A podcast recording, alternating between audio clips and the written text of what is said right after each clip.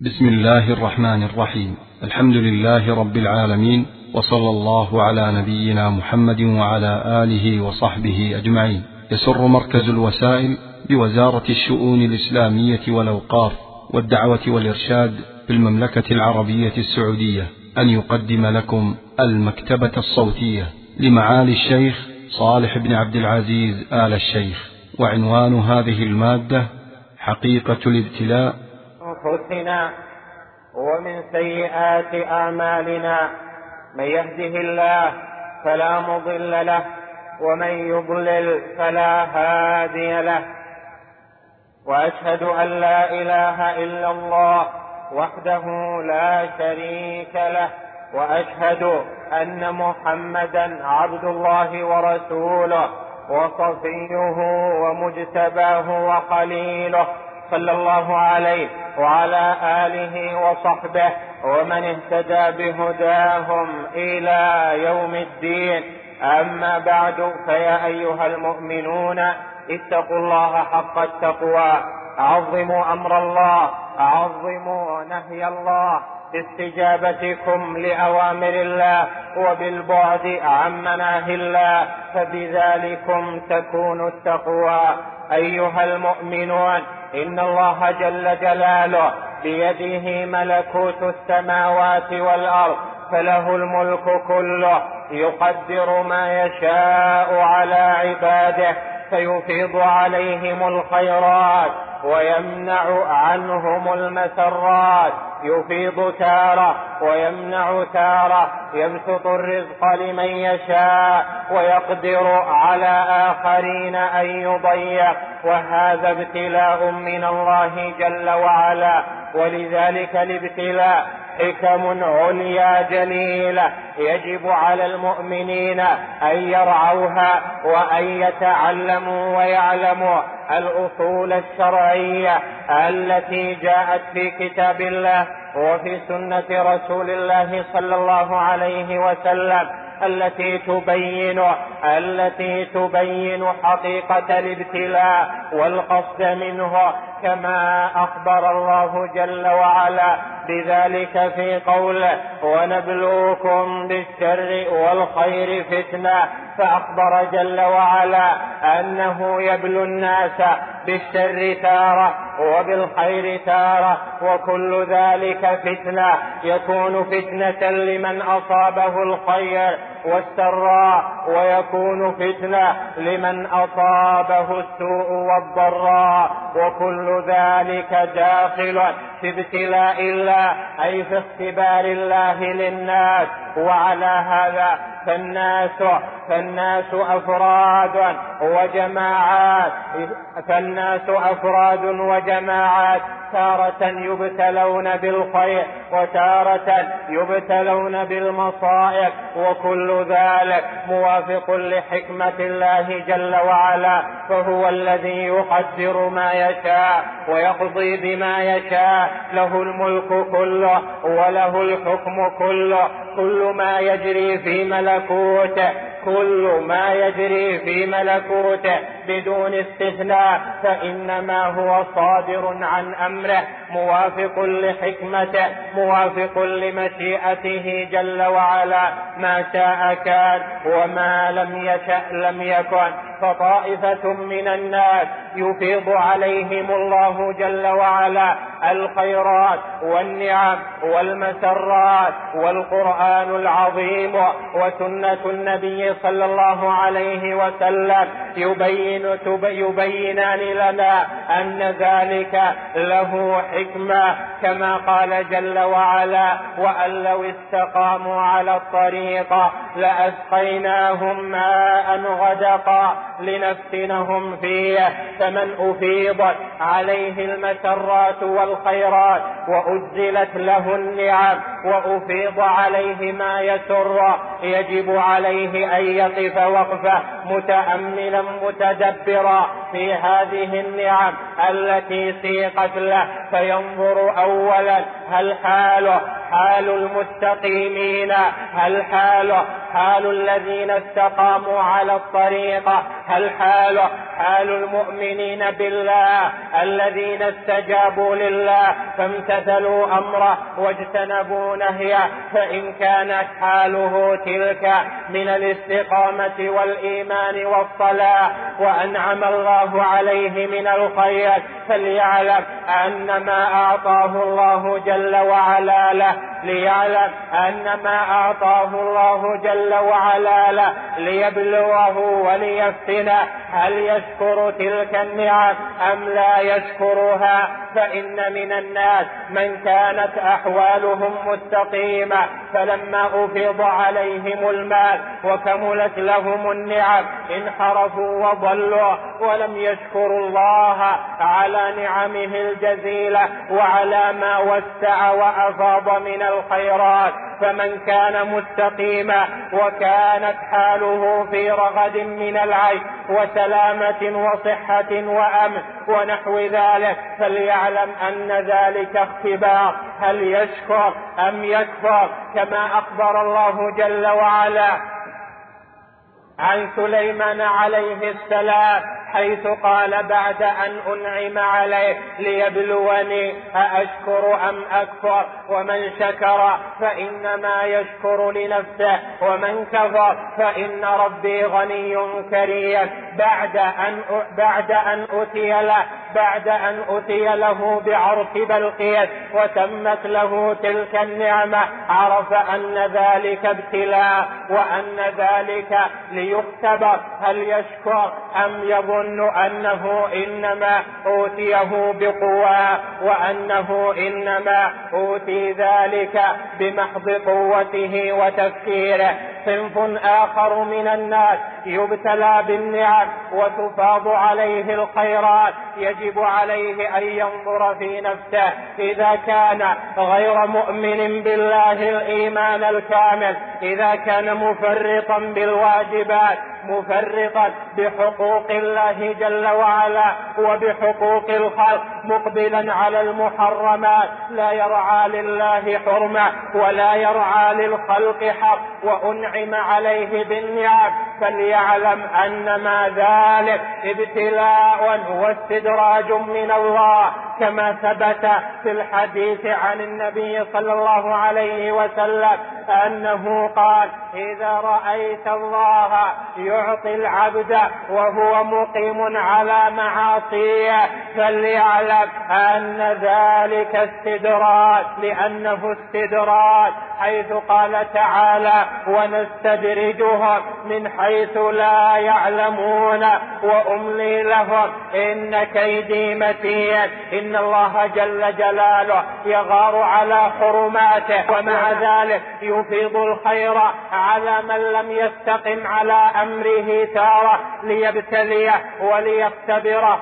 ثم ليعلم أولئك انما ذلك استدراج. لكي ينظر لكي ينظر الناس في حالهم بعد أن تأخذهم العقوبة والمؤمن عليه أن يرجع إلى ربه أن يرجع إلى ربه دائما بما أعطاه الله من النعم وأفاض عليه من الخيرات. فإن كان مؤمنا سليم الإيمان مقيما على الطاعات مبتعدا عن المحرمات. سعى في شكر ذلك باستعمال النعم في مراض الله وبأن يضيفها وينسبها إلى من أولاها واسداها ثم إنه ينعم بها على من حرمها. من كان على غير استقامة على معصية على موبقات وعلى تفريط في الواجبات وأنعم عليه فليعلم أن ذلك استدراج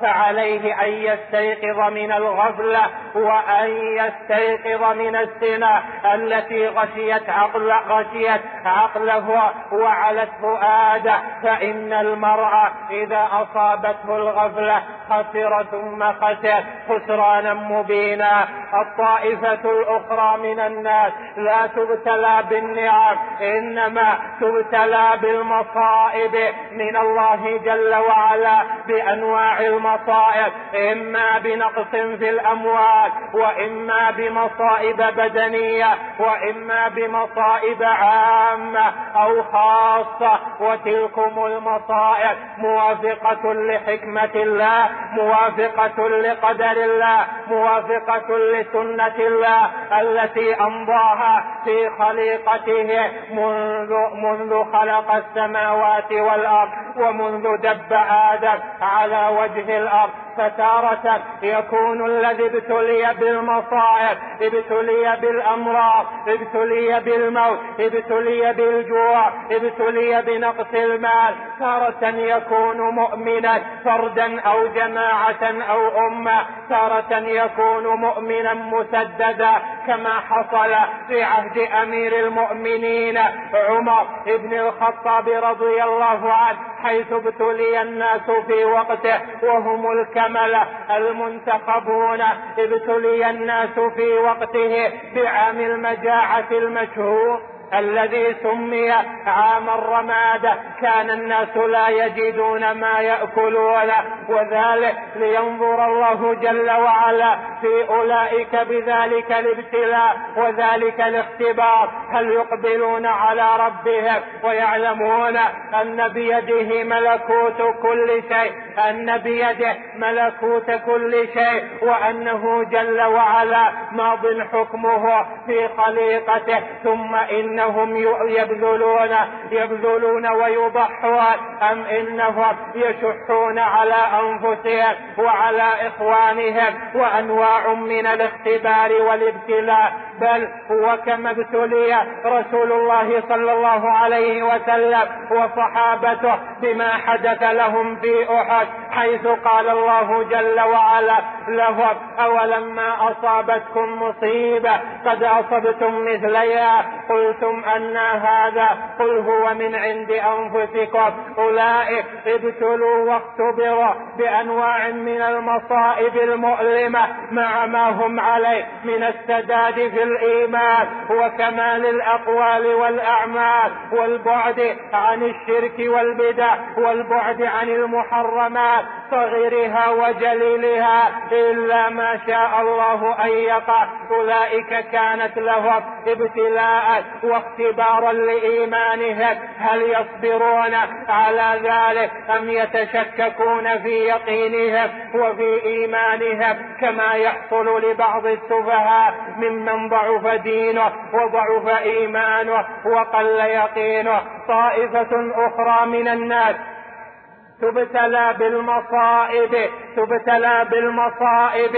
من عند الله جل وعلا بأنواع المصائب إما بغرق يحيط بهم من فوقهم من السماء وإما بأن تزلزل الأرض من تحتهم ثم إنهم إذا كانوا على نقص من الأموال ونقص في الأنفس ونقص من الثمرات فنظروا في حالهم فوجدوا أنهم مفرطون في أمر الله. مفرطون في حق الله مفرطون في أعظم الحقوق لله وهو توحيد الله بأن يظهر الشرك فيما بينهم ولا ينكرون تظهر المحرمات ولا ينكرونها يشيع الفحش والفجور ولا ينكر بل يقر ويتخلف الناس عن أداء فرائض الله. إذا كانت تلك الحال وأصابتهم واصابهم ما أصابهم من عذاب الله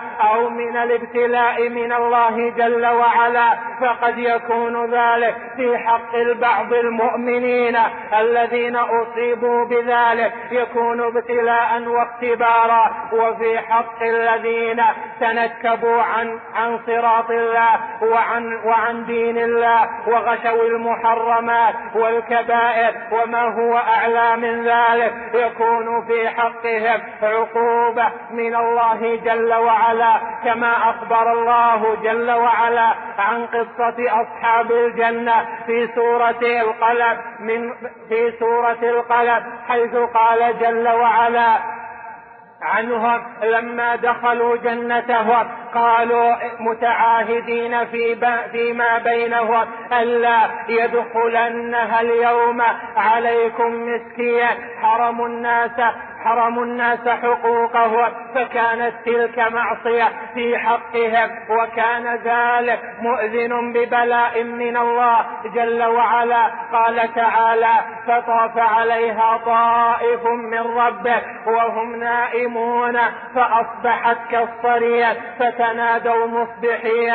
الآيات حتى قالوا معترفين يا ويلنا إنا كنا ظالمين. لما ظلموا أصابت أصابتهم العقوبة. هذه أنواع طوائف الناس في المسلمين ممن ابتلوا بأنواع المصائب بل وممن ابتلوا بأنواع المسرات والخيرات. وهذه هي الأصول الشرعية. إن أصابت المصائب المؤمنين فليصبروا وليحتسبوا. وإن أصابت من فرط في أمر الله فليعلم أن ذلك نوع أن ذلك نوع من العقوبة يخوف الله به عباده المؤمنين.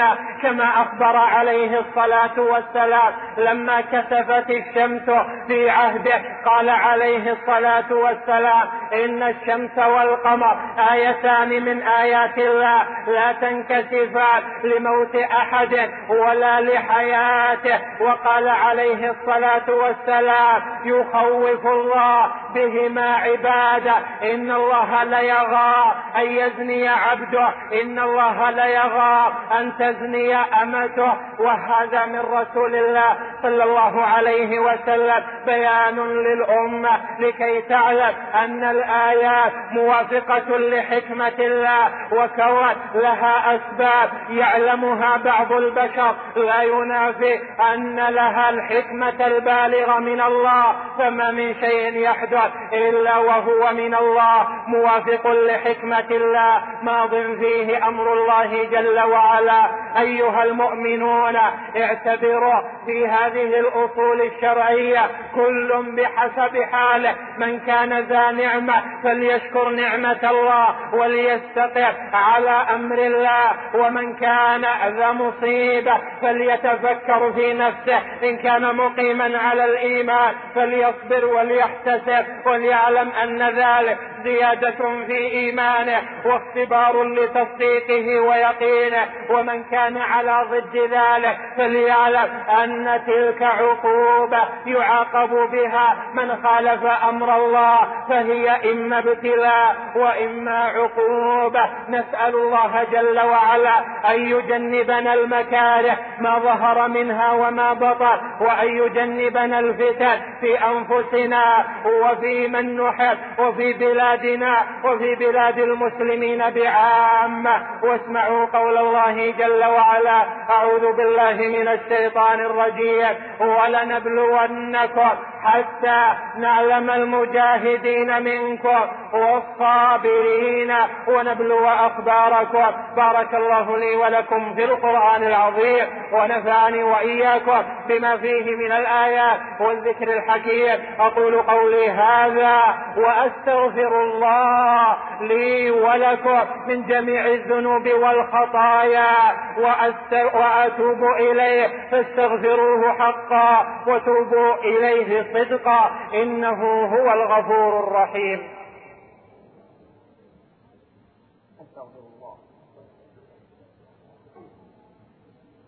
الحمد لله على إحسانه والشكر له على توفيقه وامتنانه وأشهد أن لا إله إلا الله وحده لا شريك له وأشهد أن محمدا عبد الله ورسوله وصفيه وخليله.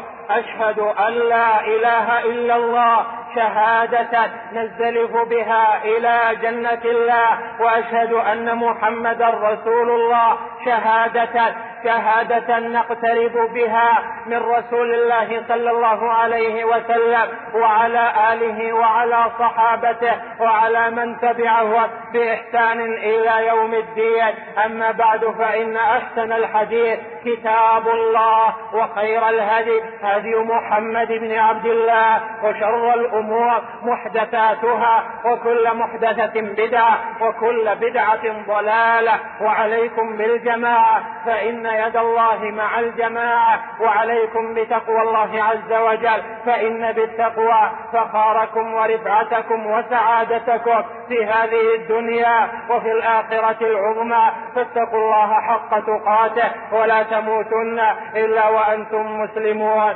واعلموا رحمني الله وإياكم برحمته الواسعة أن الله جل جلاله أمركم بأمر بدأ فيه بنفسه فقال قولا كريما إن الله وملائكته يصلون على النبي. يا أيها الذين آمنوا صلوا عليه. وسلموا تسليما. اللهم صل وسلم وبارك على عبدك ورسولك محمد صاحب الوجه الأنور والجبين الأزهر وارض اللهم عن الأربعة الخلفاء الأئمة الحنفاء الذين قضوا بالحق وبه كانوا يعدلون وعنا معهم. بعفوك ورحمتك يا أرحم الراحمين. اللهم أعز الإسلام والمسلمين. اللهم أعز الإسلام والمسلمين. وأذل الشرك والمشركين واحم حوزة الدين وانصر عبادك الموحدين. اللهم انصر عبادك الموحدين. اللهم انصر عبادك الذين يجاهدون في سبيلك لرفع لا إله إلا الله محمد رسول الله. اللهم أيدهم بتأييدك وانصرهم بنصرك وقوهم بقوتك. يا قوي يا عزيز اللهم آمنا في أوطاننا وأصلح أئمتنا وولاة أمورنا واجعلهم محكمين لشرعك متبعين لكتابك ولسنة نبيك صلى الله عليه وسلم. اللهم اللهم إنا نسألك أن ترفع عنا الربا والزنا وأسبابه وأن تدفع عنا الزلازل والمحن وسوء الفتن ما ظهر منها وما بطن. اللهم ارحم المستضعفين من المؤمنين في كل مكان. اللهم ارحم المستضعفين من المؤمنين في كل مكان. اللهم وأنزل عليهم بردا من اليقين وبردا من الإيمان. تتسع به صدورهم وتلين به جلودهم إلى ذكر الله. اللهم إنا نسألك بأسمائك الحسنى وصفاتك العلى أن تصلح قلوبنا وقلوب ذرارينا وقلوب أحبابنا وأهالينا. يا كريم يا رحمن يا رحيم. عباد الرحمن عباد الرحمن إن الله يأمر بالعدل يأمر بالعدل. عباد الرحمن إن الله يأمر بالعدل